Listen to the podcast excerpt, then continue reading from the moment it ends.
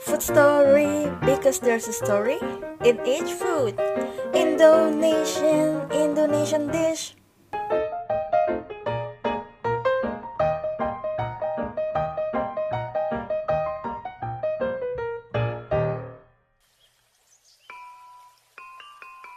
Setiap makanan memiliki kisahnya. Nah, apa kisah di balik makanan yang satu ini? Hardliner Simulclar Food Story persembahan prodi Ilmu Komunikasi Universitas Pelita Harapan. Toge goreng. Toge goreng adalah makanan yang dikenal sebagai kekasan Bogor. Namun ternyata Toge goreng punya pengaruh dari budaya Cina dan Italia loh. Toge goreng awalnya adalah kreasi orang-orang keturunan Tionghoa di Bogor yang bergaul dengan orang-orang Indo-Eropa yang suka menyantap spaghetti. Lalu, orang-orang Tionghoa di Bogor membuat spaghetti versi mereka sendiri dengan menggunakan mie yang lalu mereka menambahkan tahu, tomat, dan toge. Inilah awal mula pembuatan toge goreng. Toge goreng sendiri dikenal punya khasiat kesehatan.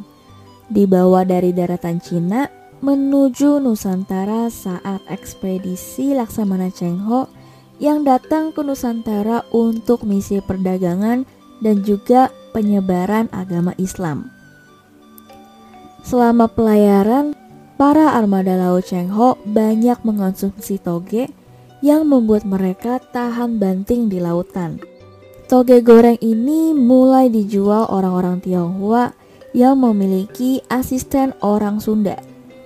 Seiring berjalannya waktu, para pedagang Tionghoa tersebut tidak lagi meneruskan usaha makanannya Lalu para asistenlah yang meneruskan penjualan toge goreng. Namun para asisten menggantikan tomat dengan oncom karena harga tomat yang dahulu relatif mahal.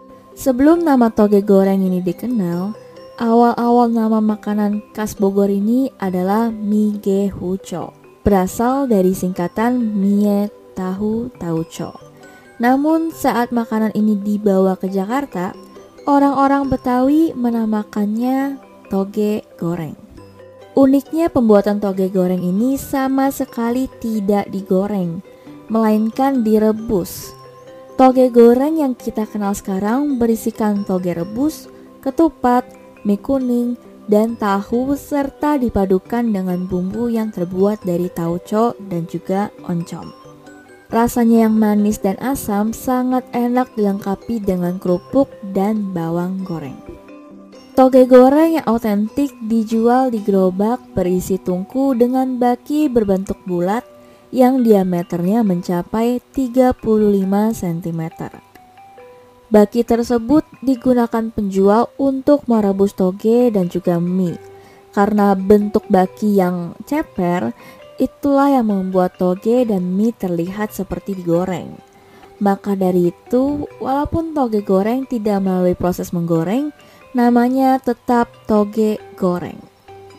Saat ada pembeli, penjual akan merebus toge dan mie, lalu mengaduknya dengan perlahan hingga matang. Kemudian baru disajikan dengan bahan lainnya. Beberapa orang menyantap toge goreng dengan ketupat.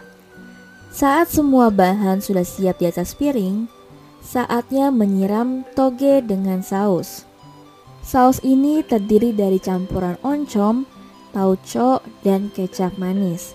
Masyarakat banyak menyebut kuliner ini dengan sebutan geco, yang merupakan singkatan dari toge dan tauco. Hidangan ini memiliki rasa yang khas, mulai kombinasi rasa asin, manis, dan juga pedas yang pecah menjadi satu di dalam mulut.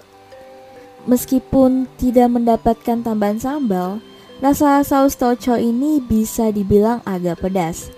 Dan bagi pecinta kuliner pedas, harus menambahkan sambal supaya rasanya lebih oke. Dahulu juga toge goreng yang dibeli untuk dibawa pulang akan dibungkus dengan daun patat. Daun ini sangat khas dengan bentuknya yang elips dengan bagian tengah yang melebar. Tulang daun ini kekar dan cukup besar. Dahulu daun patat dijadikan sebagai pembungkus alami untuk membungkus bumbu dapur dan juga sayuran. Selain lebar, daun ini juga tebal sehingga tidak mudah robek dan menumpahkan kuah toge goreng. Selain itu, secara alami, daun ini juga menjaga toge goreng agar tetap hangat. Kini daun patat sudah tidak digunakan lagi karena keberadaannya yang semakin sulit ditemukan serta orang lebih memilih menggunakan plastik untuk membuatnya lebih praktis dan efisien. Itulah sejarah toge goreng, makanan khas Bogor yang bisa kamu jadikan pengetahuan. Wah, ternyata toge goreng muncul karena rasa tak nyaman saat masyarakat makan makanan yang tidak sesuai dengan selera mereka ya. Dari hal yang kurang bisa menciptakan sesuatu yang baik dan benar-benar berbeda dengan rasa yang lezat. Menginspirasi sekali kan?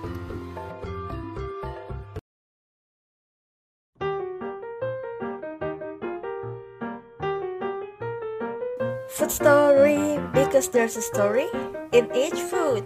Indonesian, Indonesian dish.